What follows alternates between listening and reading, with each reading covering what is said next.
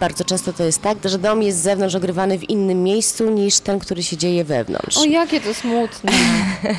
Telewizja kłamie. No to jest ta iluzja, którą, y, którą się cały czas robi. Scenografia też jest bardzo często iluzoryczna. Five, four, three, two, one. Podcast radioaktywny.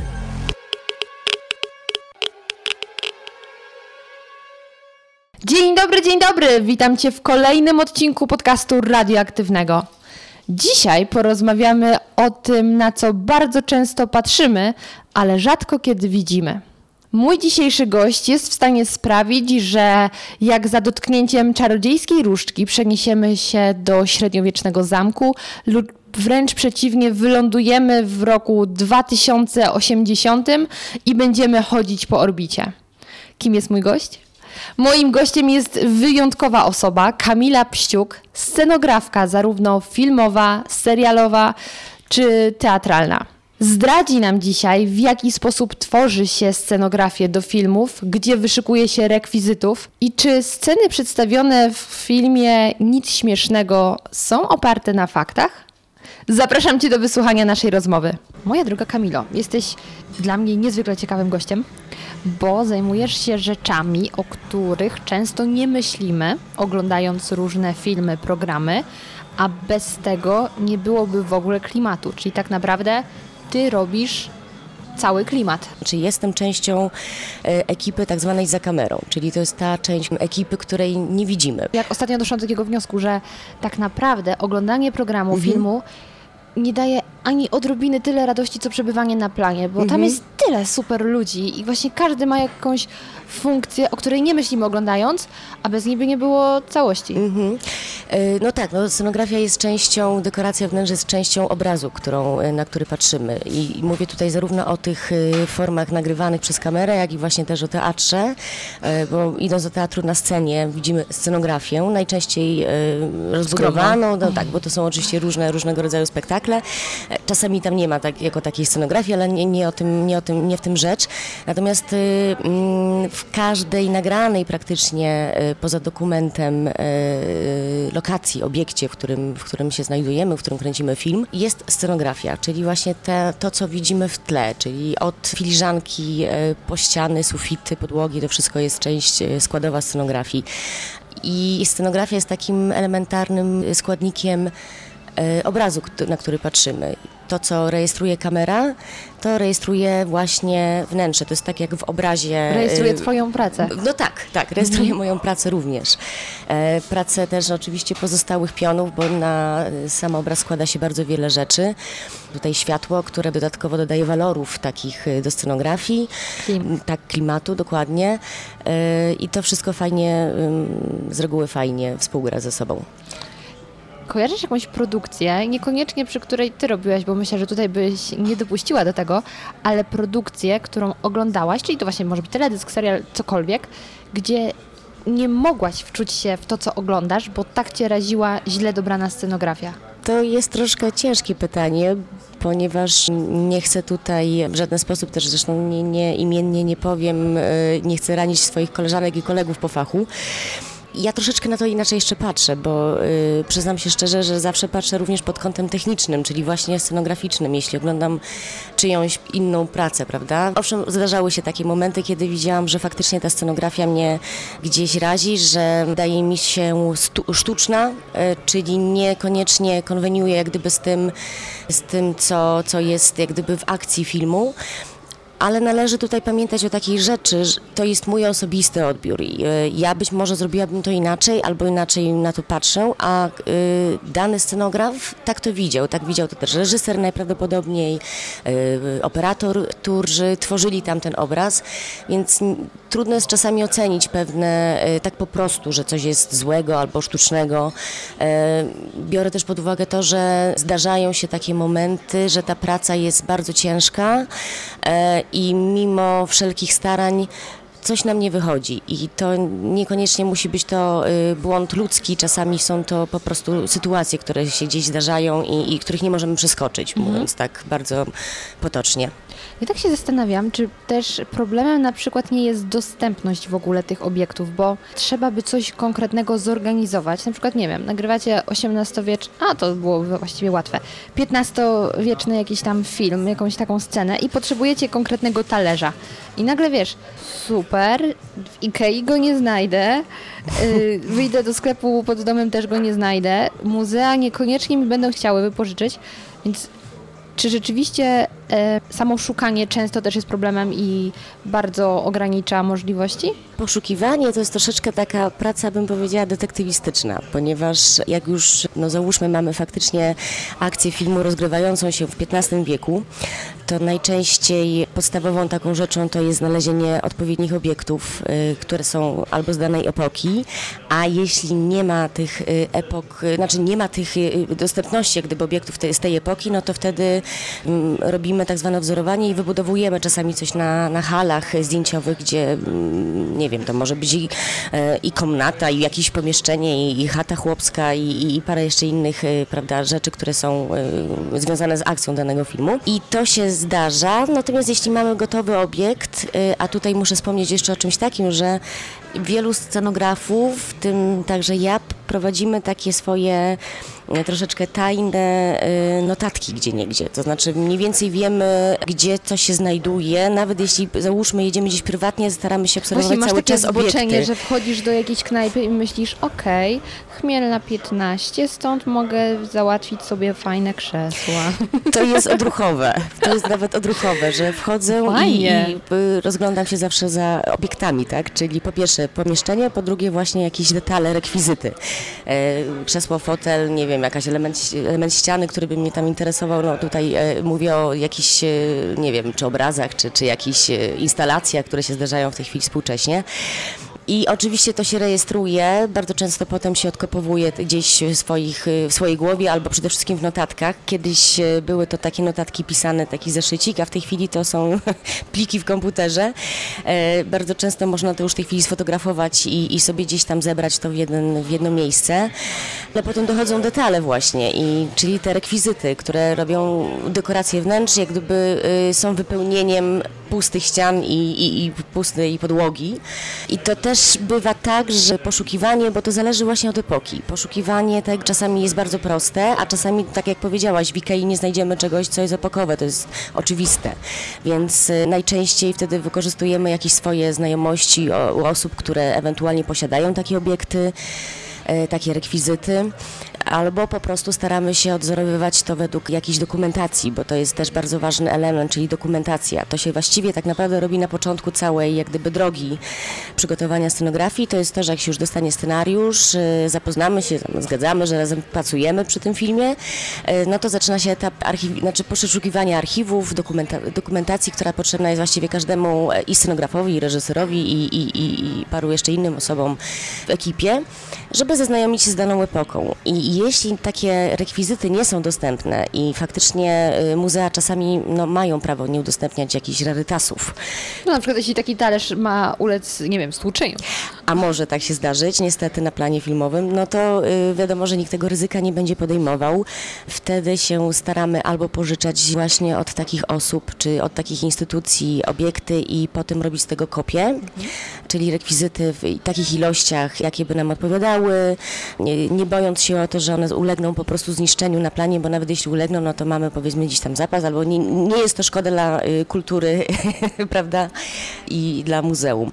No, to są takie, takie bardzo konieczne elementy tej pracy, zwłaszcza jeśli mówimy o, o filmach epokowych, bo to tak się mówi, historycznych, epokowych, czyli te, które gdzieś pokazują świat y, już dla nas nieosiągalny czasowo.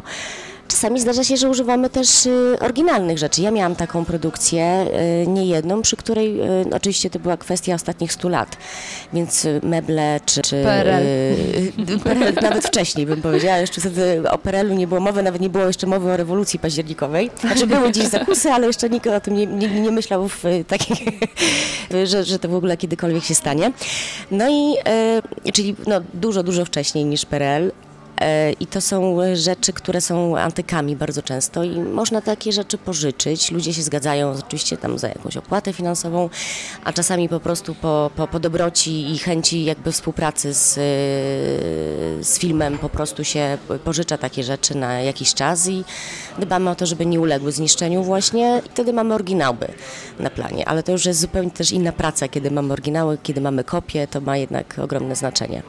A powiedz mi, bo właśnie jak już powiedzmy tym swoim oczkiem wyłapujesz takie fajne rzeczy, w których, z których w przyszłości mogłabyś skorzystać, na ile chętnie ludzie zgadzają się, żeby właśnie je udostępnić? Bo Mhm. oczywiście, kiedy masz sytuację bardzo komfortową, czyli masz budżet, to jeszcze można negocjować, ale no, znam trochę realia i często jest Bóg zapłać.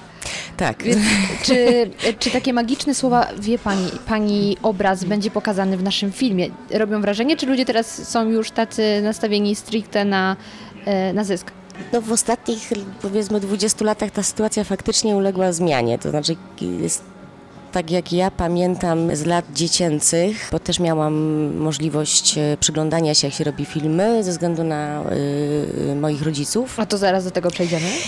Było więcej takiego animuszu robionego wokół tego, że ten film powstaje. Ludzie byli bardziej zaangażowani, ale nie, no, powiem szczerze, że w dzisiejszych czasach nie jest to aż tak bardzo jeszcze z, y, jakby zdominowane przez y, właśnie pieniądz.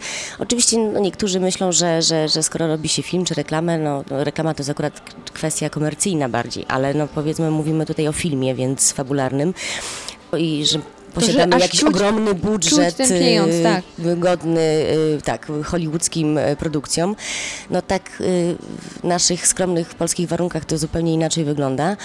I jeśli jest potrzeba, no to faktycznie prosimy tych ludzi o to, żeby y, coś zrobili za tak zwany grosz, albo po prostu mm, nawet po prostu nam coś pożyczyli. Albo po- podziękowania w e, o dziwo, o dziwo się zdarzają takie osoby jeszcze i czasami tak też, to, to zależy tutaj już od produkcji, ale no, można jakoś tam się dogadać, że taka osoba będzie gdzieś w podziękowaniach specjalnych tutaj dla takiej takiej osoby.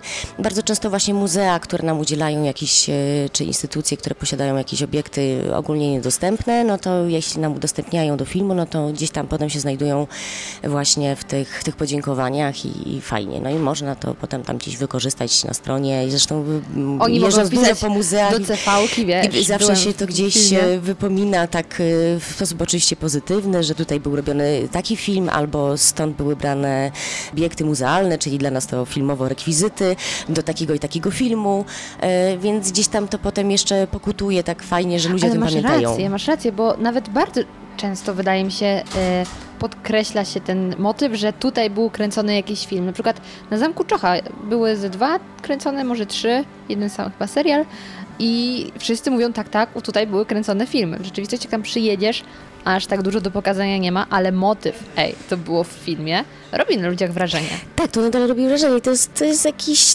to jest fajna, fajna, fajna sprawa, prawda? Że jednak gdzieś tam to jeszcze robi wrażenie i, i nikt tego nie traktuje w jakiś tam właśnie komercyjny sposób. Myślę, że to jest po prostu też taka życzliwość i chęć uczestniczenia w tym, że się mm, robi razem w sumie ten film, bo powiedzmy sobie szczerze, mm, osoba użyczającego, użyczająca nam obiektu czy, czy rekwizytów, tu twórcą, y, twórcą y, filmu, ale jest osobą, która absolutnie nam pomaga. Czasami bez pomocy takich osób nie bylibyśmy w stanie osiągnąć tego, co chcemy. Więc to jest taka wspólna praca nas wszystkich, nawet tych osób, które, które się tutaj e, udzielają tylko poprzez y, właśnie użyczenie obiektu. No tak, bo w sumie nawet najlepszy aktor stojący, e, nie wiem, jakimś e, pomieszczeniu cztery białe ściany nie odegra nagle hollywoodzkiej roli, nie wiem, Robin Hooda, no musi mieć tą No tak, byłoby dobrze, żeby miał tak, te wszystkie elementy, które są... Chociażby czapkę. Chociażby czapkę, tak. Dokładnie, więc no tak, to są właśnie takie rzeczy, które powodują, że wszyscy pracujemy nad tym i jeśli ktoś to zrozumie, to bardzo często właśnie nam pomaga i, I powstają fajne i rzeczy. powstają fajne rzeczy. Mhm. Ja pamiętam, że jak dwa lata temu pracowałam przy produkcji jednego z programów telewizyjnych, to wtedy bardzo się zdziwiłam, że są portale i w ogóle jest już takie zjawisko, że ludzie wynajmują swoje domy, mieszkania właśnie pod plany filmowe. Dla Tak. mnie to wtedy było zaskoczeniem, bo nie sądziłam, że można tak fajnie sobie dorobić, jeśli ma się fajne wnętrze. I rzeczywiście, jak rozmawiałyśmy w momencie, kiedy się poznałyśmy, mówiłaś mi, że często e, nagrywacie w czyichś mieszkaniach, Tak. czyichś domach. I czy mogłabyś opowiedzieć, jak to mniej więcej wygląda? Jakie, jakie stresy to za sobą niesie? E, no i czym się różni praca, powiedzmy, w takim wnętrzu od, nie wiem, mm, zbudowanym studiu?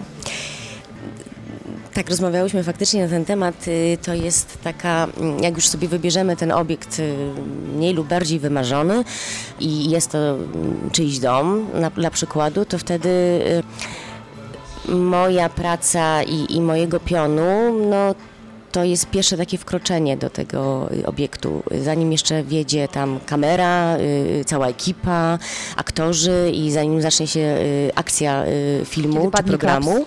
I my jeszcze jesteśmy tam dużo, dużo wcześniej. To, tak jak y, rozmawiałyśmy, że y, inaczej jest to na hali, która jest przystosowana do naszych potrzeb realizacyjnych i również do pracy y, scenografii, która tworzy tam właściwie od zera pewne rzeczy i, i jak gdyby to jest tylko dla nas pomieszczenie przeznaczone, to bardzo często w domu są jeszcze lokatorzy, którzy, którzy gdzieś tam mieszkają, na przykład przynoszą się wszyscy całą rodziną piętro wyżej dla naszej wygody. Pies pod nogami jeszcze chodzi. Gdzieś tam pies albo kot się właśnie pokaże i, i, i to jest takie, to są takie śmieszne momenty, czasami trochę utrudniające pracę, ale mimo wszystko jest to fajna, fajne, fajne spotkanie. I, y, no i co? No i potem y, urządzamy, czasami są to bardzo drastyczne y, zmiany, bo od no, pomalowania ścian poprzez wymianę mebli, to też się zdarza. No potem oczywiście po planie bardzo często musimy powrócić jak gdyby do tej rzeczywistości, znaczy przywrócić ten dom do stanu, do który, który był zanim jeszcze tam wkroczyliśmy. No ale w międzyczasie pokazuje się e, ekipa filmowa i jest e, straszne larum, bo e, jest to z reguły dużo osób. Potrzebne są pomieszczenia, mm, powiedzmy, gospodarcze, czyli gdzieś garderoba. e, Reżyserka. Re, no, y, no bardzo często tak. Też, też bywa jakieś takie miejsce z podglądem. Jak, jak jest podgląd, no to z podglądem, gdzie, gdzie możesz sobie usiąść wyznaczona część ekipy. No i, jest mnóstwo osób, które biegają, przynoszą y, lżejszy, cięższy sprzęt, bo tutaj już wchodzę w, jakby w pion y, nie swój, tylko w pion już bardziej oświetlenia i, y, i, i operatorskiego pionu, czyli gdzie, gdzie, gdzie się przynosi ciężki sprzęt, bo to są i czasami jazda jest tak zwana, czyli takie szyny, na które się zakłada wózek i na tym wózku jest kamera i to się też zdarza w, w, absolutnie we wnętrzach. No i mm, bardzo często właściciele są zdziwieni e, ogromem nie tylko może pracy, ale całego zamieszania, które niesie ze Wyobrażali sobą. sobie aktorów, Wyobrażali sobie aktorów fajnie tak, ubranych, ładnie wyglądających i że to wszystko jest tak, jak y, potem to widzimy na obrazku, a jak gdyby to, co jest za kamerą, to jest ta brzydsza część, która po prostu pokazuje tak naprawdę na czym polega ta praca i bardzo często ludzie są przerażeni, ci, którzy są spoza y, właśnie, którzy użyczają nam obiektów, czyli lokacji, e, no to właśnie są troszeczkę przerażeni, ale niektórzy się tym kompletnie nie zrażają i, i myślą, że to jest fajne i, i dalej w to brną przy kolejnych produkcjach i, e, i takie domy są wtedy ogrywane już jak się da. E, Oczywiście no, w scenografii staramy się, scenografowie staramy się tak robić, żeby zawsze proponować y, albo wybierać takie lokalizacje, które nie są ograne gdzieś już w wcześniejszych produkcjach. No właśnie chciałam Cię o to pytać. Jak dużo na przykład polskich produkcji powstaje w tych samych miejscach? No, mm, to zależy od, y, to zależy od formy. Na przykład w- seriale. w- Seriale, seriale bardzo często są robione obecnie na halach i wykorzystują się y, pomieszczenia. To właśnie to jest, bo to jest zależne od scenariusza. No nawet przy serialach załóżmy, to jest coś takiego, że y, mamy część y, stałych obiektów, w których się pojawiają same jakby rodziny, czy te same y, Właśnie, to czekaj, sytuacje. to ja Cię od razu muszę zapytać. Tak. Czy jeśli mamy rodzinkę.pl Tak. i zawsze jest pokazywane to osiedle, na którym mieszkają, to czy nagrywki są w tym domu, na tym osiedlu, czy to już jest studio zbudowane? E, Nie pracuję akurat przy tym, e, przy tym serialu. Tego, co mi wiadomo, no to bo, bo pewnie pytać, pytasz się o to, czy to są e, te rzeczy na zewnątrz, tak? Jak gdyby poza domem, czy sam dom?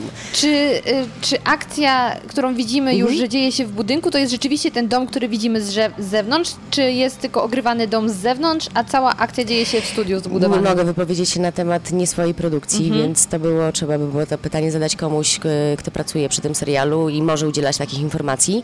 E, Ja powiem z własnego doświadczenia, że bardzo często to jest tak, że dom jest z zewnątrz ogrywany w innym miejscu niż ten, który się dzieje wewnątrz. O, jakie to smutne. Telewizja No kłamie. to, jest, to, jest, to jest ta iluzja, którą, y, którą się cały czas robi. E, Scenografia też jest bardzo często iluzoryczna, bo dzisiaj jest, jutro jej po prostu nie ma, no bo już jest posprzątana. Więc to są takie, no, takie triki, które się stosuje. I jest to koniecznie, ja w tej chwili się też przygotowuję do produkcji e, filmu fabularnego, gdzie będę miała takie sytuacje właśnie i to w dwóch jakby obiektach że jedno wnętrze jest kręcone tu, a na zewnątrz, y, jak gdyby zewnętrze jest gdzie indziej. To samo dotyczy, no w dwóch, jakby w dwóch zupełnie różnych scenach. Też mamy taką sytuację. Wnętrze jest po prostu ciekawsze gdzieś indziej, ale to bardzo często trzeba to dopasowywać ze sobą. To nie może być też przypadkowe, ponieważ mimo wszystko jednak należy wziąć pod uwagę przy takich sytuacjach, że gdzieś jednak ktoś wypatrzy, że to nie jest tak do końca A ludzie to uwielbiają samo. szukać tych smaczków. A ludzie uwielbiają szukać takich, tak, y, nieprawidłowości Mhm. i, i słusznie, no dlaczego nie? Więc trzeba dopasowywać faktycznie ten zewnętrzny look do tego, co jest wewnątrz y, ze scenografią. Jeszcze e, na chwilę wrócę do tych wynajmowanych mieszkań, powiedzmy. To opowiadałaś mi, że niedawno mieliście sytuację, że trzeba było buty ściągać i wszyscy maszerowali w kapciach albo w skarpetkach. Tak, tak, tak, tak. Czasami się tak zdarza, no bo są to domy właśnie y, jakoś tam, no każdy lubi swój dom, mniej lub bardziej i wiadomo, że szanuje ten dom, więc bywają takie obiekty, w których no y, są jakieś drogie posadzki albo niedawno odremontowane i, i ktoś się zdecydował na to, żeby tu weszła cała ekipa ze swoim sprzętem i, i zawsze są y, stosowane zabezpieczenia po to właśnie, żeby nie zniszczyć, y, nie wiem, czy ścian, czy, y, czy podłogi przede wszystkim, bo ściany jeszcze można odmalować, no z podłogą trochę gorzej, więc są zabezpieczane sprzęty przed właśnie takimi sytuacjami, natomiast no, jeszcze zostaje czynnik czysto ludzki właśnie, czyli to, że my chodzimy w tej z powrotem, biegamy po tym planie. Mm, i, i, e, no i miałam niedawno taką sytuację, że musieliśmy wszyscy zdejmować e, buty w przedpokoju, tam zabezpieczać jakoś stopy, żeby nie przemarznąć, bo jednak byliśmy tam kilkanaście godzin, a mieliśmy zdjęcia na parterze, więc było naprawdę chłodno. No i, no i A tak to wyobraź sobie nagrywanie filmu w Azji, w jakiejś e, właśnie kulturze, gdzie po prostu się w butach nie chodzi po domu. To, To tak. musi być. Tak, ja, nie, nie, no faktycznie to jest ciekawe. Pytanie teraz powstaje, Czy ktoś się zgodzi na to, żeby nas odstępstwo? Mhm. y, wpuścić, prawda, i odstąpić od takich y, bardzo no, restrykcyjnych, religijnych gdzieś y, nakazów, czy może łatwiej będzie faktycznie zrobić kopię, czyli wybudować takie wnętrze gdzieś na hali, Oni jeśli się jest znają na szybkim budowaniu, więc w sumie... Więc y, możemy gdzieś tam wybudować to na hali i na przykład wtedy już nie mamy tego problemu właśnie Mhm. z zdejmowaniem butów i tak dalej, i tak dalej. Oprócz tego, że ty przygotowujesz scenografię, to często też szukasz lokalizacji. Mhm. I jak myślę o szukaniu lokalizacji, od razu przypomina mi się scena, oczom ukazał się las A, i było nic śmiesznego. krzyży chyba, tak. Jak często takie fakapy się zdarzają? No ja w tej chwili jest jeszcze coś takiego, taka y, funkcja bardzo, bardzo, bardzo przydatna. To jest tak zwany location scout, osoba, która y, po prostu wyszukuje lokalizacji pod potrzeby właśnie produkcyjne. Ale no my scenografowie, tak jak powiedziałam, mamy też swoje jakieś obiekty, które proponujemy. I załóżmy, że ten obiekt, y, który my zaproponujemy, jest zaakceptowany y, przez reżysera, operatora i, i, i dalej przez produkcję. I, I jak gdyby, no właśnie, bo y, ta sytuacja, żeby uniknąć takich, no, jakby nie, nie, ma możliwości takiej, żeby się pojawiła cała ekipa na planie obiektu, który był wcześniej niesprawdzony. Bo ta sytuacja, o której mówisz, kiedyś nastąpiła faktycznie w filmie polskim, natomiast ten Las Krzyży, tak przysłowiowy, to była dokumentacja, więc jak gdyby tutaj nasz bohater filmu po prostu się Nie tam odwrócił doczytał, strony. Nie odwrócił strony i, i stanęło na czym stanęło. No jest bardzo często takie szybkie właśnie czytanie, czy emocjonalne czytanie scenariusza i coś się czasami przeoczy. Dobrze warto tutaj czytać ten scenariusz jednak kilka razy, żeby właśnie nie było tego rodzaju e, sytuacji, ale no zdarzają się takie dziwne Zdradzisz takie mi coś? z- lapsusy. Podstawą taką jest to, że musimy powiedzieć, że każdy z nas sobie wyobraża dany obiekt troszeczkę inaczej. To jest zrozumiałe.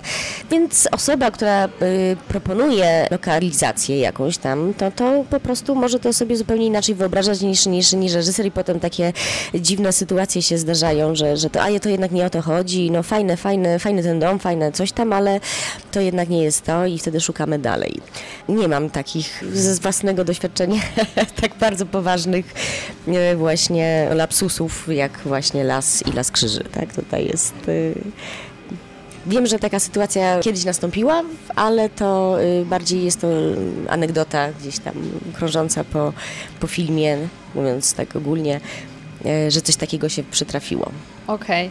Wspomniałaś już, że ty przy filmach działałaś już od najmłodszych lat. Więc teraz cię bardzo proszę, żebyś trochę rozwinęła cały kontekst.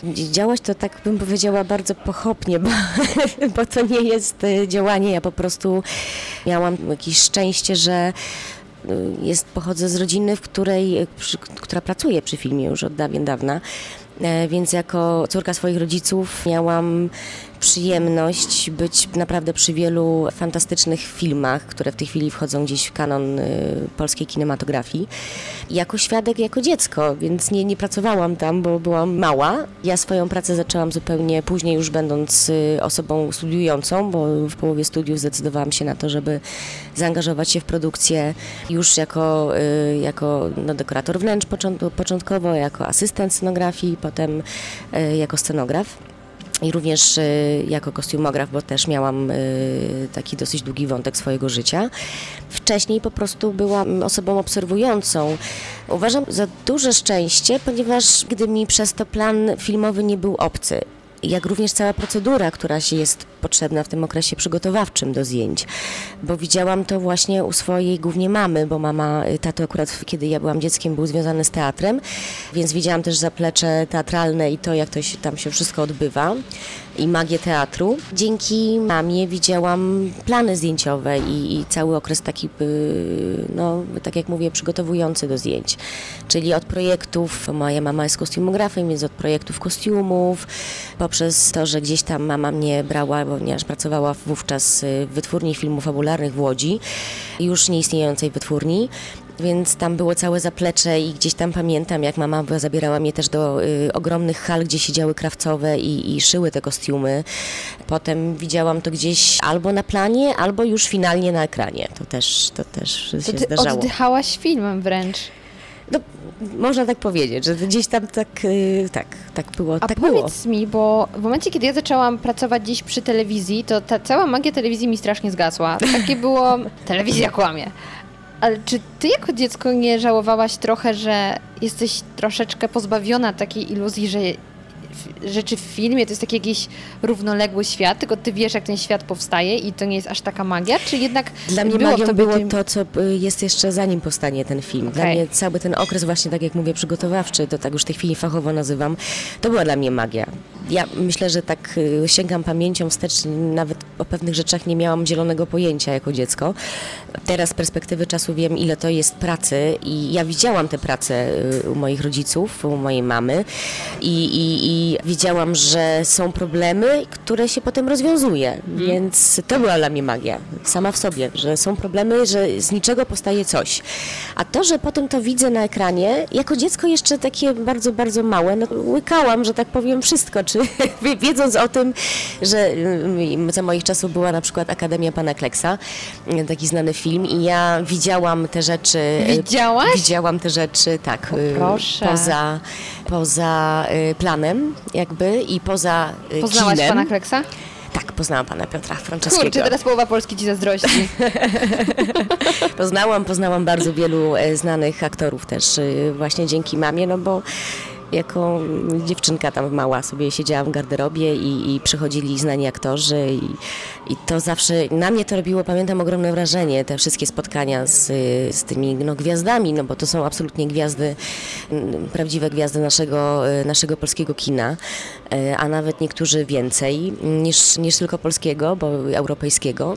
Co? No i to, to było takie, to też była dla mnie magia, że y, mimo, mimo, że zdawałam sobie sprawę, że są to koledzy i koleżanki moich rodziców, niektórzy też bywali u mnie w domu, no to mimo wszystko jednak y, było to dla mnie zawsze takie wow.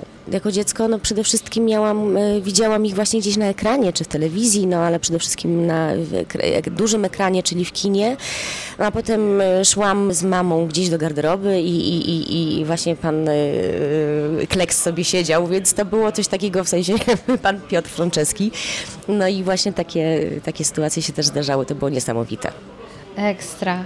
A powiedz mi, kojarzysz jakiś taki film, po obejrzeniu któregoś stwierdziłaś, ja chcę być scenografem? Czy to może jakiś film na ciebie wpłynął, oprócz tego, że już w ogóle się obracałaś w tym świecie i gdzieś te wnętrza cię kręciły? Y, Powiem szczerze, że dużo, dużo filmów, absolutnie dużo robi na mnie wrażenie i to jest coś takiego, że nie, nie, nie było jednego filmu, ani jakiejś e, zdecydującej, nie wiem, fali filmów, które by zdecydowały o tym, że, czy do tego, że chcę robić to co, e, to, co robię. Było to u mnie troszeczkę bardziej płynne, to znaczy 嗯。Wiedziałam, że chcę z tym mieć do czynienia, będąc jeszcze nastolatką. Potem uda, udałam się na studia, y, a studiowałam historię sztuki, więc miałam dosyć duży też cały czas kontakt ze sztuką. Gdzieś właśnie w połowie studiów y, zdarzyły mi się już takie sytuacje, że mogłam, mogłam w tym brać udział bardziej, czy pomagać mamie, czy, czy potem już dostałam jakąś tam propozycję jeszcze w szkole filmowej w Łodzi, żebym przystąpiła do jakiejś tam produkcji etiudy.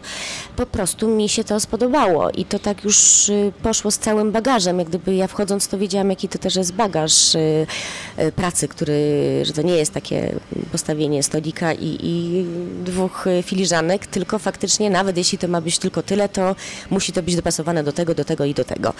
Natomiast no, jest rzesza filmów, które absolutnie uznaję za doskonałe i które, no już w tej chwili to jest post factum, ale które chciałabym albo bardzo podobne zrobić, bo to są ogromne scenografie i no, niesamowita sztuka po prostu filmowa i to jest, mam swoją, swoją, swoją listę filmów, ale zostawię ją dla siebie, tutaj nie chcę, nie chcę mówić oczywiście od, nie wiem, czasu apokalipsy, po parę jeszcze innych współczesnych produkcji, które są dla mnie nadal zaskakujące i że w tej chwili się troszeczkę zmieniła ta technika już, bo mamy poza scenografią mamy też już Efekty elementy specjalne. efektów tak specjalnych. Zawsze były efekty, tylko teraz są już bardzo takie dobitne, które po prostu mogą pewne rzeczy y, zastąpić już, a Kiedyś to było zupełnie jeszcze inaczej. No i co? No i to tak nadal, nadal widzę to i nadal sobie myślę, ach cholera, chciałabym zrobić tak właśnie, coś, mie- mieć możliwość zrobienia takiej produkcji, bo to są, no widać pracę, cudowną pracę scenografów, całego pionu y, scenograficznego, plus fajne zdjęcia i tak dalej, i tak dalej, więc to jest y, coś, z czego się troszeczkę tak zazdrości, ale tak nie negatywnie, tylko po prostu doceniasz czyjąś pracę, widzisz, że to jest coś wspaniałego. Ile czasu zajmuje przygotowanie scenografii, to znaczy od momentu, kiedy słyszysz, nagrywamy taki film, do momentu, kiedy wchodzisz na plan i już wszystko jest rozstawione? Bardzo różnie to wygląda. Czasami jest tak, e, że do przygotowania to są, jest to kwestia kilku tygodni, kilku miesięcy, a czasami nawet kilku lat. E, Zdarzyło ci się kilku lat? Ja przystąpiłam do produkcji, w której wiem, bo ja byłam wtedy no, no, w ostatnim jakimś takim filmie właśnie też historycznym, była taka sytuacja, że y, ja przystąpiłam już do, y, do pionu dekoracji wnętrz, y, natomiast poszukiwanie lokalizacji trwało przeszło dwa lata i to tylko na terenie Polski. Chociaż oczywiście z tego, co rozmawiałam tutaj z produkcją, już nawet myślano o tym, żeby się przenieść gdzieś do innego kraju, ale udało się znaleźć coś fajnego właśnie dzięki wiedzy scenografa i produkcji, żeby to zrobić tutaj jednak w Polsce. Ale samo, mimo wszystko jednak poszukiwanie odpowiednich lokacji trwało dwa lata. Żmudna robota. A potem przygotowania, cztery miesiące przebudowywania wnętrz już ist- zaistniałych, y, gotowych można powiedzieć w jakimś sensie, no bo to były gotowe budynki pod potrzeby filmu. Plus urządzanie y, dekoracji. Ja y, no, to praktycznie pracowałam przez 2,5 miesiąca, wyszukując różnych specjalnych rekwizytów do, do tego y, filmu i to było kilka tysięcy rekwizytów, dosłownie kilka tysięcy. Nie, nie, nie mogę podać nawet liczby, bo myślę, że to y, z jednej rekwizytorni wiem, że tam było tysiąc coś, z drugiej, że tam przeszło prawie dwa tysiące, no więc to tak było razem, to jest kilka tysięcy przedmiotów, które, które trzeba było potem ustawić jeszcze i, i, i wykorzystać na planie i to tak trwało długo. A tak właśnie teraz e, wpadło mi, wpadła mi do głowy myśl, bo różne telewizje mają swoje rekwizytornia. Nie TVN, Polsat na pewno jak tam robią swoje jakieś produkcje, tam programy, to korzystają. Czy jest jakaś taka ogólnie dostępna rekwizytornia, gdzie wy, rekwizytorzy, scenografowie, możecie z nich korzystać? Oczywiście jest takich rekwizytorni bardzo wiele. Są to w tej chwili już prywatne jakieś takie miejsca, w których y, dawni rekwizytorzy albo ludzie, którzy tam w jakiś sposób byli związani ze scenografią, po prostu kolekcjonują różnego rodzaju przedmioty, wykupują je, wyszukują. I potem możemy je używać jako, wypożyczać jako rekwizyty do, e, do danej produkcji. To samo dotyczy kostiumów, bo jest tak dokładnie tak samo, to są wypożyczalnie kostiumów. Oczywiście te filmowe są troszeczkę inne od takich y, powiedzmy eventowych wypożyczalni kostiumów, natomiast faktycznie, no takich miejsc jest kilka w każdym większym mieście, gdzie się, gdzie się kręciło kiedyś jeszcze filmy, gdzie były dawniej wytwórnie, bo to mówię i o Warszawie, i o Łodzi, jakieś też są we Wrocławiu z tego, co jest mi wiadomo i, i w Krakowie, no to głównie telewizje, ale też mają swoje jakieś rekwizytornie i wypożyczalnie właśnie kostiumów. Właśnie wyobraziłam sobie całą logistykę i papierologię związaną z rekwizytami, że to wszystko trzeba gdzieś składować, później pamiętać do kogo oddać, w jakim terminie. Boże, czy to też należy do Twoich obowiązków, czy masz swojego asystenta, który to ogarnia? Bywa tak, że y, potrzebuję przy jakichś większych ilościach, no to faktycznie mam osobę, która mi musi w tym pomóc. Najczęściej za to jest odpowiedzialny rekwizytor, główny rekwizytor, który zajmuje się właśnie, dopilnowuje tego, żeby te rekwizyty wróciły na swoje miejsce, żeby je y, opłacić y, i tak dalej, i tak dalej. Ale czasami jest taka sytuacja, i ja, mam taki zwyczaj, ponieważ no, też jestem dekoratorem wnętrz, więc lubię sama wybrać sobie te rekwizyty i najczęściej towarzyszy mi właśnie rekwizytor, który, e, który potem fizycznie podejmuje te rzeczy, zabezpiecza je, no bo to trzeba zabezpieczyć, właśnie spisać w wypożyczalni rekwizyty. Teraz y, bardzo dobrze, bo się fotografowuje po prostu te rzeczy, więc potem można taki plik zdjęć dostać i, i to trochę ułatwia sprawę, bo wiemy przynajmniej, że ten kubek albo przysłowiowy czerwony. był czerwony jest z tej wypożyczalni, ale ten drugi czerwony jest tej drugiej wypożyczalni, bo czasami tak jest. Ja się staram zawsze gdzieś uczestniczyć w takich e, tak zwanej likwidacji, ponieważ e, jeśli coś nie jest gdzieś e, tak rozpisane dosłownie, że, że kubek czerwony z takim, a nie innym uszkiem i tam pod spodem jest napisane, załóżmy, nie wiem, I love you. Rosenthal, no to, to, to, to wiadomo, że jeśli nie ma takiego opisu, no to jest czasami trudno. My wszyscy raczej mamy pamięć wzrokową, więc staramy sobie też pewne rzeczy gdzieś tam zarejestrować w głowie. Oczywiście po długim czasie to potrafi wyparować e, i wtedy jest y, tak, że się oddaje do jednej wypożyczalni coś, co jest z drugiej, no i potem tak rekwizytor musi tak troszeczkę e, przysłowiowo biegać pomiędzy wypożyczalniami i właśnie gdzieś tam to przynosić jedno do drugiego, bo to jednak poszła nie do tej, do, co powinno. To się zdarza, bo to jest, no wiadomo, po prostu pamięć zawodzi i I tak wielki szacun, że to wszystko ogarniacie. Wow. No I bo- dochodzimy znowu do filmu Nic Śmiesznego, chodzimy znowu gdzie do jest, filmu. jak się okazało, większość tych historii opartych na faktach. Podobno są to historie oparte na faktach i na pewno takie troszeczkę anegdoty, legendy właśnie filmu polskiego, o których się nie mówi. Podcast radioaktywny.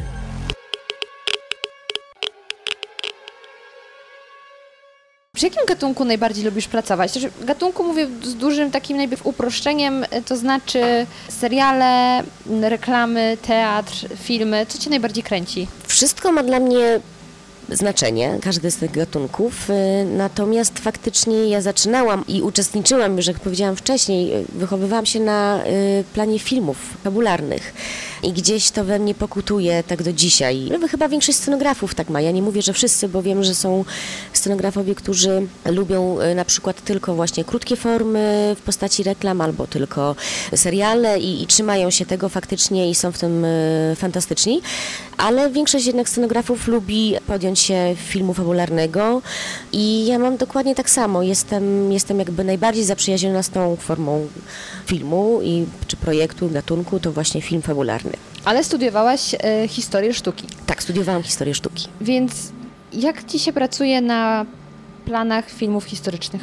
Kiedy trzeba już naprawdę się, myślę, nagłowić co do rekwizytów, żeby nie strzelić jakiejś dużej pomyłki? Muszę się przyznać, że ja najbardziej z wszystkich y, filmów fabularnych lubię te, które są właśnie związane z y, historią, czyli tak zwane kino epokowe, albo kompletnie science fiction, które wymaga już wyobraźni jeszcze innego rodzaju niż tylko pamięci historycznej i dopasowania tego wszystkiego do fabuły filmu. Natomiast faktycznie lubię kino epokowe, lubię je robić. To jest cała procedura przygotowywania się do takich zdjęć, bo po otrzymaniu scenariusza i licznych rozmowach właśnie z reżyserem, z produkcją i z- operatorami czy z operatorem e, na temat ewentualnie jak my to widzimy, no to jest już szereg takich właśnie dokumentacji. Czyli e, ja jako historyk sztuki mam też e, wiedzę związaną z, nie tylko z tym, że wiem w jakich archiwach może się ewentualnie co znaleźć, albo w jakich albumach, albo, no bo dużo rzeczy w tej chwili znajduje się w internecie, aczkolwiek w internecie znajdują się też pomyłkowe y, zupełnie rzeczy, więc jak gdyby ta wiedza właśnie jest tutaj potrzebna, żeby odróżnić na przykład, y, załóżmy 1965 od 1975, to jest dekada, biorąc pod uwagę czynniki historyczne, miejsce, w którym się to działo, psychikę bohaterów, to bierzemy to wszystko pod uwagę, no muszę wykorzystać swoją wiedzę, która mówi mi jasno, że w tym roku albo w, tym, w tej dekadzie było tak, a w tej dekadzie było tak. I jak gdyby już wiem od początku, w którą stronę kieruje się jak gdyby swoją, swoją uwagę. I to jest ta dokumentacja. Poza tym e, ja zawsze też się kieruję pamięciowo właśnie albumami, ze, ze, gdzie są reprodukcje, e, reprodukcje obrazów. I to jest dla mnie bardzo ważne, jeśli mówimy o czymś, co nie było jeszcze na przykład sfotografowane, no bo były takie epoki, wiadomo, których, e, których wiedza, nasza wiedza opiera się tylko na tym, co jest opisane i na tym, co widzimy na obrazach. Więc dla mnie mój zawód jest bardzo potrzebny, bo ja już z góry też wiem, gdzie skierować swoją, e, swoją uwagę. I e, wiem, że na przykład właśnie to może nie być z tej epoki, chociaż to jest załóżmy, nie wiem, różnica tam kilku lat albo z danego roku, bo to jest właśnie różnica kilku lat, a to jest taka bardzo, bardzo potrzebna wiedza do filmów epokowych odróżnianie tego roku, e, tego, tej dekady. Mhm. Nie można zawsze brać wszystkiego do jednego worka, bo e, inaczej pewne kwestie wyglądały u nas e, w Polsce, inaczej, nie wiem, w Rosji, inaczej w Anglii, inaczej gdzieś tam, jak już były Stany Zjednoczone, to już mówię o takich ostatnich powiedzmy 200 latach. No, no wszystko jest inne i to, to jest ta wiedza, która, którą się uzyskuje znając historię po prostu. A jak patrzysz na amerykańskie produkcje? To znaczy, czy gdybyś pracowała na tamtym rynku, miałabyś Peace. Większe możliwości? Czy jesteś ogólnie zadowolona z tego, jak produkcja wygląda w Polsce? Troszeczkę inne warunki pracy. Yy, troszeczkę są inne warunki pracy w, przy amerykańskich produkcjach, troszeczkę inaczej przy polskich. Nie chcę mówić tak już bardzo wprost, że są to różnice finansowe, ale są. No niestety one też mają wpływ na to, jak, yy, na ile, no mówię tutaj o dużych produkcjach, jak wygląda rozwój tej produkcji, bo te, te, te, te finanse mają jednak znaczenie, ale jakby zupełnie tylko skupiając się na e, pracy merytorycznej, myślę, że jest troszeczkę inna jakby hierarchia, systematyka pracy niż, y, niż przy produkcjach polskich. Przede wszystkim zacznę od tego, że w filmach amerykańskich jest y, scenograf jako taki, czyli tak zwany production designer, jest osobą odpowiedzialną nie tylko za y, scenografię i dekorację wnętrz, ale również jakby całościowo za mm, cały art department, czyli ta, to, co wchodzi, czyli kostium, scenografia, kostium i make-up, charakteryzacja. Mhm, czyli to jakby ma pod sobą jeszcze. To ma pod sobą. Czyli Bo w Polsce jest trochę niezależnie. W Polsce jest to właściwie no, niezależnie. Można, oczywiście współpracujemy ze sobą, no bo wiadomo, na dobra obrazu. W Stanach Zjednoczonych to jest bardziej y, skupiona jest jedna osoba, która jest y, szefem całego pionu i potem dopiero y, jakby rozdziela dalej funkcje na art dyrektora, bo tam jest jeszcze taka funkcja set designera i tak dalej, i tak dalej, grafików, kostiumografów właśnie i charakteryzatorów i jak gdyby czuwa nad tym wszystkim. A w Polsce jest to zupełnie niezależne. Znaczy my mówię, pracujemy ze sobą, bo jesteśmy dalej jednym pionem w sumie, tak naprawdę artystycznym pionem. Natomiast dzielimy się na pion scenograficzny, kostiumograficzny i charakteryzatorski. Powiedz mi, bo ja e, nie wiem, czy oglądałaś Black Mirror? Tak, oglądałam. Mhm. Włączyłam na razie tylko jeden odcinek, bo dla mnie ten serial jest za smutny, bo ja mam podobne spojrzenie w ogóle na to, co się dzieje w, w, z obecnymi e, czasami, co się z nami dzieje w tych czasach, ale włączyłam sobie jeden odcinek, w którym dziewczyna y, za pomocą telefonu widziała, jak ktoś ma ocenę wystawioną i te gwiazdki można... Tak, tak, tak. tak. To było chyba poprzedniego sezonu, pierwszy odcinek poprzedniego Coś tak, w tym sezonu. stylu. Tak, tak. I pamiętam, że jak obejrzałam, wtedy właśnie po raz pierwszy się miałam styczność z tym serialem, obejrzałam to, ależ robotę tam musiał scenograf odwalić. Każdy odcinek to jest zupełnie inna historia, z takim rozmachem jak mały film, wielki szacun dla scenografa. Pamiętam, to chyba był pierwszy moment, kiedy ja pomyślałam, to był scenograf. To jest czyjaś praca, to trzeba było zorganizować. Czy właśnie też na podobnej zasadzie patrzysz na film, który oglądasz? Yy, zawsze To, to jest tak, że jak patrzę na y, formę fabularną, y, no to zawsze patrzę pod kątem scenografii, kostiumów, y, również właśnie charakteryzacji, ale tak idąc jakby jednym tropem, no to przede wszystkim pod, pod kątem e, scenografii. Chociaż czasami muszę powiedzieć, że się potrafię zaskoczyć czymś, czytając potem o, na temat informacji na temat danego filmu albo oglądając making of z danego planu, widzę e, rzecz, która by mi do głowy nie przyszła. I to jest, no to jest zawsze jakieś fajne zaskoczenie, bo Na sobie przykład? troszeczkę inaczej wygląda. E, No na przykład, ojejkuś, no podam najlepszą taki przykład, chyba najbardziej modny ostatni y, y, Blade Runnera, który, y, gdzie właściwie ja byłam przekonana o tym, że pewne rzeczy są robione jednak w postprodukcji, chociaż bo, no, bardzo dobra produkcja pod tym kątem, a potem się okazało, że to była budowa, gdzie były budowane makiety. Wszystko było wybudowywane rękoma ludzkimi i to było niesamowite, że mm, zrezygnowano z takich ogromnych postefektów, a po prostu się y, skupiono na tym, żeby ta scenografia powstała jednak. I to, to, to była taka właśnie, między innymi takie zaskoczenie z tych ostatnich lat. Ale w ogóle no to, to jest troszeczkę czasami rozpraszające i wymagające przeglądaniu filmu, bo poza tym, że człowiek, ja przynajmniej mówię tutaj za siebie, mam także, że oczywiście y, wchodzę w tę akcję i zaczynam ją w jakiś sposób przyjmować jako po prostu widz. Z drugiej strony patrzę na to pod kątem technicznym. To powoduje, że to nie jest takie po prostu sobie popatrzenie na film w Przeżycie kinie historii. z popcornem i przeżycie historii i podłubanie sobie w nosie, tylko po prostu cały czas się pracuje, to też jest praca. Takie oglądanie filmów to też jest praca nasza, bo uczysz się właśnie tego, my się cały czas uczymy wykorzystanej, jak jest to wykorzystane, jak jest to połączone, jak to jest oświetlone i, i, i ewentualnie, no jeśli są to nam bliższe produkcje europejskie, no to y, skąd ewentualnie dane rzeczy były y, wzięte, no bo my znamy nie tylko polskie nasze wypożyczalnie właśnie rekwizytów, ale również europejskie. No i co za tym idzie, y, widzimy to, albo co jest stworzone, co było ewentualnie kopią, co nie było kopią. No to są tego rodzaju dylematy, które towarzyszą podczas oglądania e, filmu, albo właśnie czy pasują z kostiumem, albo czy można było to zrobić inaczej, albo tak samo, albo że jest genialne, albo że może mniej genialne.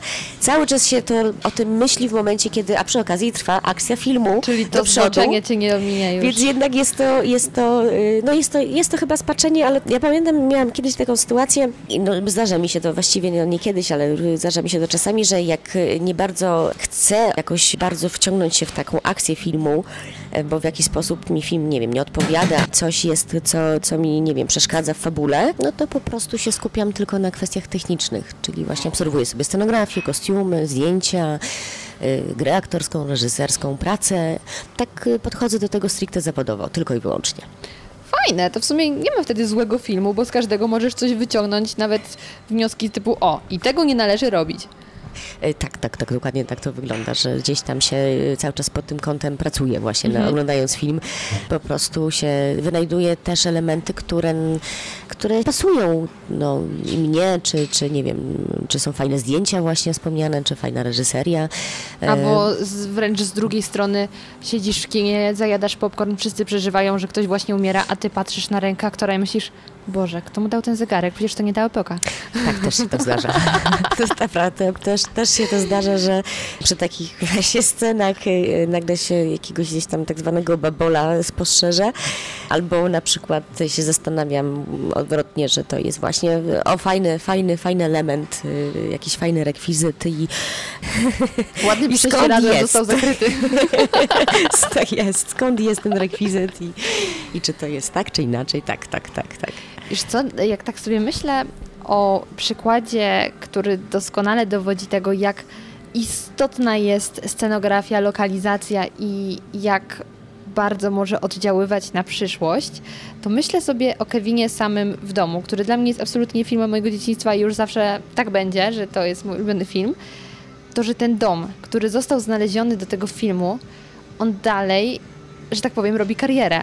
Ci aktorzy już dobrze nie wyglądają z upływem lat, niektórzy poszli w stronę narkotyków, a ten dom dalej robi na ludziach wrażenie i wiem, że odbywają się tam wycieczki, ludzie chcieli zobaczyć, wszyscy obserwowali, jak ten dom został wystawiony na sprzedaż i to jest zasługa, kurczę, scenografa, że dom zyskał sławę. Muszę też powiedzieć taką jedną malutką rzecz, że jakby na sukces też scenografii bardzo często działa parę jeszcze innych rzeczy. Właśnie Oczywiście. dobry wybór lokalizacji, potem nasza ciężka praca, e, potem fajne oświetlenie, fajna akcja filmu na Muzyka. przykład. To, muzyka, no muzyka może, może trochę mniej, bo jak się włączy dźwięk, no to nadal widać No obraz. tak, może E, tak. Ale no, Film jak jest to pokazane, więc jak gdyby to jest tak, że my wszyscy razem jakby pracujemy na dobro y, obrazu i tutaj da się powiedzieć czegoś tylko o jednej rzeczy tak do końca. Zawsze jest to gdzieś ze sobą powiązane. Natomiast faktycznie myślę, że tutaj y, no, w tym przypadku, tak jak mówisz Kevina, y, samego w domu, y, ten, ten obiekt po prostu też zasłynął samą akcją filmu, ale w ogóle no, jest, to, jest to super fajny film i tam było też widać właśnie pracę scenografii, te wszystkie efekty, całe zabawy dzieci, które tam było widoczne, no, znaczy właśnie je, jego, przepraszam, bo to był sam w domu, z, z złodziejami, którzy próbowali tam prawda, okraść ten dom i tak dalej, no to te całe wszystkie przeszkody, które on tam powymyślał, to była scenografia właśnie, tak, to, było, to był ten element taki, który był nieodzowną częścią filmu. Bez tego pewnych rzeczy by po prostu nie było. Tu scenografia miała bardzo ważne znaczenie. A za to w Kevinie w Nowym Jorku pojawił się ten sklep z zabawkami. A tak, tak. I pamiętam, mój znajomy tam ze dwa miesiące temu był w Nowym Jorku i pierwsze co post na Facebooku wielkie rozczarowanie, ten sklep już nie istnieje. I, i znowu dowód na to, jak, jak ważny element filmu Że został tylko na Tak. ekranie. został na ekranie, a rzeczywiście tam jest tak bajeczny ten świat. I zastanawiam się, czy ten sklep tak wyglądał, czy on został podkolorowany trochę na potrzeby filmu. Myślę, że na pewno, bo to właściwie nie ma tak nigdy do końca, żeby daną lokalizację zaakceptować w 100%. Zawsze muszą być zmiany chociażby pod scenariusz, pod ustawienie kamery, kadru, y, akcji y, filmu, prawda? Y, Więc tu musi być na pewno zmiana i to jest do tego potrzebna jakby no, zmiana taka właśnie dekoracji choć wnętrz, bo to pewnie się to bardziej dotyczyło dekoracji wnętrz, ale nie, nie, nie wiem do końca jak to tam wyglądało, ale wydaje mi się, że była to sprawa właśnie zmiany pod potrzeby filmu. Więc nawet jeśli był taki sklep, w takiej, a nie innej wielkości, z takimi nawet, a nie innymi zabawkami, chociaż wydaje mi się, że pewnie też rzeczy były poprzemieniane i na potrzeby właśnie filmu pewne zabawki doszły albo ubyły, to jednak jest to praca scenografa, zawsze, scenografii. Pamiętasz jakiś film, który przysporzył Ci najwięcej problemów? Albo jakąś produkcję, przy której robiłaś? Mówisz tutaj o moich, y, Tak, o, moich, pracy. o moich filmach. Bywały takie problemy różnego rodzaju. Y, No, anegdotek jest zawsze dużo i faktycznie to, co może wydawać się śmieszne z biegiem czasu na planie filmowym, kiedy jest z, z reguły brak czasu, nie jest to aż takie śmieszne. Ja pamiętam, kiedyś pracowałam przy takiej produkcji belgijskiej, która e, w całości była zrealizowana w Łodzi, w Polsce oczywiście i mieliśmy taką sytuację, że ja byłam jakby scenografem ze strony polskiej. No główny bohater naszego, e, naszego filmu, no była to postać oczywiście absolutnie fikcyjna, bo miał taką chorobę, która powodowała, no to była fa- fajna, bardzo fajna charakteryzacja. On wyglądał jakby był trochę człowiekiem sarną, człowiekiem jeleniem. Miał takie Straszne. różki, taką dziwną, e, dziwną twarz. No i zdjęcia mieliśmy w 2007 roku, w styczniu. Wtedy był straszny mróz, pamiętam, okropny mróz. Właściwie to się dwie, dwie historie z tym, dwie anegdoty się z tym łączą. Kumulacja. Ponieważ y, mieliśmy zdjęcia gdzieś tam właśnie na ulicy Piotrkowskiej, w takich normalnie uczęszczanych ulicach, nie, nie, nie mieliśmy zamkniętych planów. Za wyjątkiem może chińskiego, tam jest taki chiński skwerek, w którym są, były, nie wiem czy są, ale y, były tam na pewno takie chińskie budki i my żeśmy to trochę przerabiali na takie powiedzmy Chinatown, więc tam zawisły lampiony, jakieś świecidełka, takie trochę China China. Nasz aktor musiał iść ulicą i jakby decyzją też świadomą tutaj e, reżyserki, reżyserki, no reżysera, były, była to, żeby, żeby on faktycznie idąc jako osoba w jakiś sposób pośledzona, y, robił wrażenie właśnie takiej troszeczkę odrazy na ulicy. I reakcje ludzi to byli ludzie niezwiązani kompletnie, to nie byli statyści. Tam troszeczkę było statystów, ale reszta to byli Randomowi? przy, tak, tylko zupełnie przypadkowe osoby, faktycznie była tak, tak widoczna i tak ogromna, że oni aż niektórzy odskakiwali wręcz i to było jakby widać, e, my to widzieliśmy w podglądzie, ale było to też widać, no, jest to gdzieś ujęte też nawet w samym filmie. Właśnie taka reakcja ludzi, no, brak tolerancji jakby jednocześnie na to, na, na, na wygląd takiego, ale ludzie myśleli, że to jest prawdziwa postać, mimo że gdzieś tam widzieli też kamerę, która, y, która to wszystko... Zawsze można powiedzieć, że to był film dokumentalny, nie?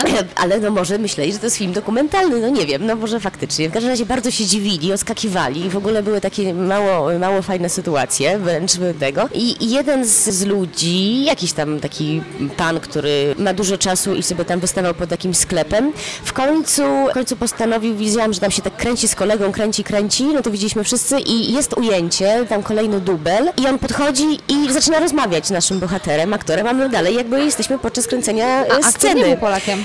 Był, y, aktor nie był Polakiem, aktor był Belgiem, Mhm. natomiast no, tutaj właśnie taki człowiek z zewnątrz podszedł podczas naszego ujęcia i go zaczął przytulać w ogóle. To jest zupełnie reakcja, której się nikt z nas nie spodziewał. Odwrotna od zamierzonej, bo chcieliśmy pokazać właśnie, że ten człowiek jest gdzieś taki troszeczkę niechciany na ulicach i taka była, faktycznie ludzie odskakiwali, to byli ojej, co za okropna twarz. I nagle podchodzi jakiś człowiek, który zaczyna go przytulać. Ło. Znaczy, finalnie to chyba chodziło o coś jeszcze innego, bo aktor w pewnym momencie stwierdził, że miał wrażenie, że po prostu wszystkie kieszenie były przeszukane jego w kostiumie, więc być może o to chodziło. W każdym razie no, była taka sytuacja. Oczywiście akurat ta scena nie weszła na stałe do filmu. Jest uwieczniona na making offie, ale no, kilka dni później mieliśmy scenę w parku, również w Łodzi i em, była taka sytuacja, że tam jest taka altana, to jest chyba Park Poniatowskiego, jeśli dobrze pamiętam, i tam jest taka altana w środku e, tego parku, gdzie mieliśmy przygotowania do następnego dnia do zdjęć. Zdjęcia były od rana do nocy, ponieważ tam mieliśmy kilka punktów i tam w tym parku przy minus 25 stopniach musieliśmy y, wybudować scenę y, z takim świecącym tłem praktycznie w takim klubie, więc wszyscy byliśmy jak sople lodu. Ale mieliśmy też właśnie scenę w altanie, która tam była. No, trzeba było ją uprzątnąć i tam y, była taka scena solówkowa y, naszego bohatera, on tam miał tańczyć. No i ta kamera tak wirowała razem z nim. Takie były plany i tak też się stało. Natomiast no, pomalowaliśmy altanę z biała, więc musieliśmy ją jakby domalować na biało. No nie było to łatwe, ponieważ mieliśmy w najlepszym wypadku minus 17, więc wiadomo, że wszystko co było po prostu nam albo natychmiast zamarzało, albo się jakoś tam gęstniało.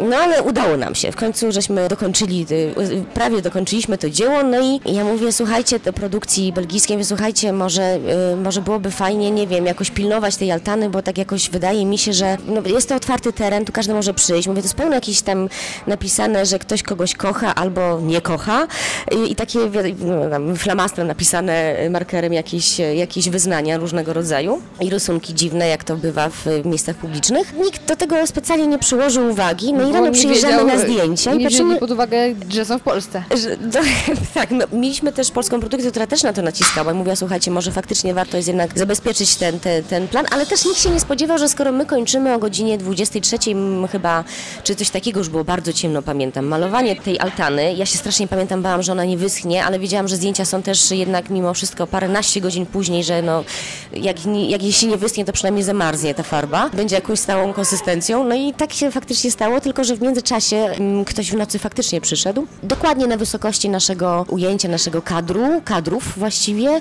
tam napisał, że y, ktoś kocha kogoś, a ktoś nie kocha kogoś i po prostu od początku to cała historia i rano przyszliśmy z ekipą i pamiętam, że wszyscy żeśmy, nam szczęki opadły, bo musieliśmy całą pracę, którą robiliśmy przy tym mrozie, po prostu właściwie robić od początku. No i to już było takie też y, jednocześnie, że wszyscy już się wzięliśmy za malowanie.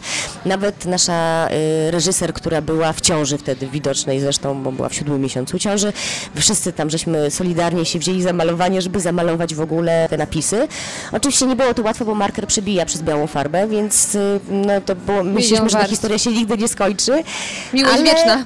Ale tak, miłość wieczna, dokładnie, miłość wieczna, ale i no, udało się, no bo oczywiście potem jeszcze jest postprodukcja, która umożliwiła y, jeszcze bardziej wyeliminowanie tych napisów, więc takich historii to jest tak czas- czasami właśnie na pograniczu tego, że nie chce nam się śmiać, ale finalnie jest to jednak śmieszne. No I bo... dochodzimy znowu do filmu Nic Śmiesznego, gdzie jest, jak się okazało, większość tych historii opartych na faktach. Podobno są to historie oparte na faktach i na pewno takie troszeczkę anegdoty, legendy właśnie filmu polskiego, o których się nie mówi, no bo to wcale nie jest takie śmieszne właśnie. No nic śmiesznego. Nic śmiesznego. No ale jak oglądamy to, a muszę przyznać, że jest to film, który chyba każdy polski filmowiec zna i jak oglądam to również z, po zdjęciach y, jakąś tam częścią swojej ekipy i po prostu Wy się nie śmiejecie. to znaczy, nie śmiejemy się, w sumie się śmiejemy, bo widzimy pewne podobieństwa. Problemów, y, właśnie jakichś takich rzeczy, które się gdzieś tam no, non-stop, po, to właściwie prawie każdy plan jest opatrzony jakimiś takimi nerwowymi sytuacjami, ale też y, śmiesznymi właśnie, mniej lub bardziej. I y, to tak już jest, że miałam y, w zeszłym roku, no pół roku temu robiłam fajny film, który dopiero będzie w tej chwili gdzieś y, puszczany, no głównie na razie festiwalowo. Tytuł jest Ostatnia bajka na ziemi. To jest film, który jest troszeczkę futurystyczny i mieliśmy zdjęcia tu pod Warszawą na bagnach i była, była to dla nas jakaś gehenna, ponieważ no bagna, dosłownie te bagna, to były bagna, nie jakieś jeziorko, bajorko, tylko bagna. No mają to, że jak się je ruszy, to po prostu wydobywa się y, pewnego rodzaju swąd, więc tam wszyscy zatykaliśmy nosy i każdy jak mógł to uciekał od tych bagien, no ale no niestety no, nie, operator na przykład nie mógł, bo musiał to robić dokładnie ze środka, ze środka bagien. E, My wszyscy byliśmy po kilkunastu godzinach y, latania po lesie i y, od bagna do bagna, więc każdy z nas wyglądał jakbyśmy byli y, no co najmniej po zbieraniu grzybów y, dwudniowym. E, I pamiętam wracając, bardzo zmęczona byłam, ale pamiętam, że wracało, wracając poprosiłam mojego asystenta, mówię, słuchaj, zatrzymaj się na stacji benzynowej, e, muszę sobie tam coś kupić do, e, do picia, bo w domu nic nie miałam, ponieważ nic nie miałam w domu, ponieważ nie zdążyłam zrobić zakupów wcześniej, więc mówię, chociaż wodę sobie kupię do picia. No i tak wychodzę i, i zapomniałam zupełnie, że mam takie kalosze ubłocone po kolana, y, że mam na sobie ileś warstw w ogóle ciuchów, ponieważ mimo, że to był wrzesień, to tam bardzo szybko spadała temperatura i miałam na sobie jakieś kurtki, swetry, y, czapki, wyglądałam jak taki no, dziwny robotnik. I wchodzę na tę stację taka zrezygnowana, kupuję co kupuję i mija mnie pani bardzo ładnie ubrana w przejściu i ona aż odskoczyła, jak mnie zobaczyła. Minęła mnie takim szerokim łukiem e, przy wejściu, bo e, chyba ją ostręczyłam w jakiś sposób tym wyglądem. Po prostu byliśmy wszyscy umorusani, Człowiek z brudni. Człowiek z bagien, tak, wyszedł. Do takiej sytuacji się właśnie śmieszne zdarzają i była to, mówię, dla całej ekipy bardzo taka, no mieliśmy tam 3-4 dni zdjęć, my jeszcze mieliśmy budowanie scenografii w lesie, tam byliśmy dłużej w, w tym lesie, no i co, i się potem, e, jak już skończyły zdjęcia, to mówiliśmy o tym wszystkim zupełnie w innych kategoriach. To znaczy wspominaliśmy to właśnie jako anegdoty, jako rzecz, która jest gdzieś nawet śmieszna, czasami do łez, ale, ale y, nie bolesna, już tylko śmieszna. I to jest coś takiego, że jak już się skończą zdjęcia, to już tak, czas leczy rany, dokładnie. Że już nie, to już jest taki wow, że tam, nie wiem, już, już nie pamiętałam, że było mi strasznie zimno, już nie pamiętałam, że byłam umorusana praktycznie e, i każdy się tam gdzieś przy jakimś takim e, ogrzewaniu, nie wiem, pod namiotem po prostu zgrzewał swoje zmarznięte łapy i to tak e, śmiesznie, śmiesznie, bo po jakimś czasie to jest śmieszne, ale będąc na planie myślimy, że to już jest katorga największa, jaka, jaka może nas spotkać. Jak wyobrażasz sobie swoje życie, gdybyś nie pracowała przy filmach? To chyba najtrudniejsze pytanie, jakie mogłam, Od tego jestem. jakie, jakie mogłaś mi zadać, bo oczywiście zawsze są jakieś inne zawody, które są mi bliskie w jakiś sposób i które są równie fajne i o których może nawet gdzieś myślę, że mogłabym kiedyś y, nimi się zająć. Natomiast no, to chyba jeszcze nie jest y, czas na to, żebym myślała o jakimś innym, jakimś innym zawodzie odpukać. Mam nadzieję, że, że, że taki, taka decyzja nie nastąpi w moim życiu jakoś e, drastycznie szybko. Na razie jestem w tym, w czym jestem i z, jak gdyby y, zdając sobie sprawę, na ile jest przyjemne i na ile jest to ciężkie. Robię to jak mogę najlepiej i, i, i, i trudno mi jest powiedzieć, czy mogłabym cokolwiek innego wykonywać z takim też e, entuzjazmem i z emocjami, zarówno dobrymi, jak i złymi, bo to zawsze, tak jak mówiłam, jest coś śmieszne i coś nieśmieszne. Więc gdzieś to y, nie wiem, czy, czy znalazłabym coś innego, co by mnie tak, y, które byłoby też taką huśtawką różnych sytuacji właśnie. Trochę narkotykiem, powiem ci. Troszkę chyba narkotykiem. Może to być takie troszeczkę narkotyczne faktycznie, że to coś takiego mm, uzależniającego. Wiem o tym, że jeśli ktoś spróbuje raz pracy przy filmie, pier- po pierwszym razie, jeśli e, będzie miał wątpliwości i przy drugim e, też będzie miał wątpliwości, to faktycznie lepiej, żeby się tego e, nie, za to nie brał, bo prędzej czy później odpadnie. To jest praca, która wymaga absolutnie zaangażowania więcej niż stuprocentowego. To jest praca, która nie trwa od, y, od do. To nie jest praca, nie wiem, 7-8 godzin dziennie. No skoro nawet wychodząc do kina jesteś w pracy albo idąc do kawiarni patrzysz na wszystko jako scenograf, to jest naprawdę już styl życia. To jest styl życia, to, ale to jest ta przyjemna część, taka właściwie, no, mm, no tak, no jest to, jest to gdzieś poniekąd troszeczkę praca, faktycznie zawsze się tam gdzieś mm, przyglądam tym rzeczom i, i chyba tak ma każdy scenograf. Natomiast mm, po prostu też nie ma się czasu czasami właśnie na zrobienie, tak jak mówisz, zakupów, y, żeby zjeść kolację bardzo późną, bo wracamy bardzo często nad ranem albo w A środku nocy na planie pracy. czasami słaby jest. Pracujemy po kilkanaście godzin, po kilkadziesiąt godzin. I to nie jest tylko w Polsce, bo y, wiem, że jest to na całym świecie. Jakiś czas temu czytałam artykuł właśnie o charakteryzatorce ze Stanów Zjednoczonych, która, której mm, partner życiowy, będący właśnie z innego zupełnie biznesu, nie był w stanie kompletnie tego pojąć, czemu, czemu jej nie ma całymi dniami w domu po prostu. Jak to jest możliwe? No to jest właśnie to. To jest właśnie to, że czasami nie mamy czasu na pewne rzeczy, więc jeśli ktoś nie jest pewien tego, y, że to robi, to, to niech nie niszczy siebie, swojego jakby życia na siłę po prostu, bo nie będzie z tego żadnego waloru. Ani nie będzie robił dobrego kina, ani nie będzie miał czasu na y, prywatne przyjemności, bo po prostu tak to wygląda niestety, jeśli chodzi o pracę w filmie. To jest praca, która wymaga 1000% zaangażowania. Zawsze. To życzę Ci w takim razie jak najmniej potknięć przy doborze rekwizytów, scenografii, no i jak najlepszych efektów, żebyś zawsze z dumą patrzyła na swoje produkcje. Dziękuję. Ja sobie też jeszcze tak powiem nieskromnie, że życzę sobie też wielu fajnych produkcji, przede wszystkim e, fajnych właśnie ekip, e, z ludzi, z którymi można się e, dogadać, których te wizje są spójne i, i naprawdę robi się fajne kino. Właśnie przez to, że jest to wspólna praca nas wszystkich i bijemy do tej samej bramki. A my To później oglądamy. Tak. A później inni to oglądają i nas oceniają i jest fajnie. Dziękuję Ci bardzo. Dziękuję również. I jak wrażenia? Mam nadzieję, że po wysłuchaniu tego podcastu nieco inaczej spojrzysz na filmy i zastanowisz się gdzieś w głębi, czy scenograf Twoim zdaniem zrobił dobrą robotę, czy wręcz przeciwnie, powinien zmienić niektóre elementy. Na koniec zapraszam Cię do odwiedzenia mojego nowego kanału na YouTubie youtube.com ukośnik zmacznego, na którym od kilku dni publikuję filmy. Tym razem nie przeprowadzam rozmów, występuję tylko ja. Będzie mi bardzo miło, jeśli odwiedzisz mnie, zostawisz łapkę w górę i oczywiście subskrypcję. Oczywiście tego nie wymuszam, natomiast jeśli zostawisz po sobie jakiś znak, będzie mi bardzo miło. Link podrzucę w opisie odcinka. Do usłyszenia już niedługo.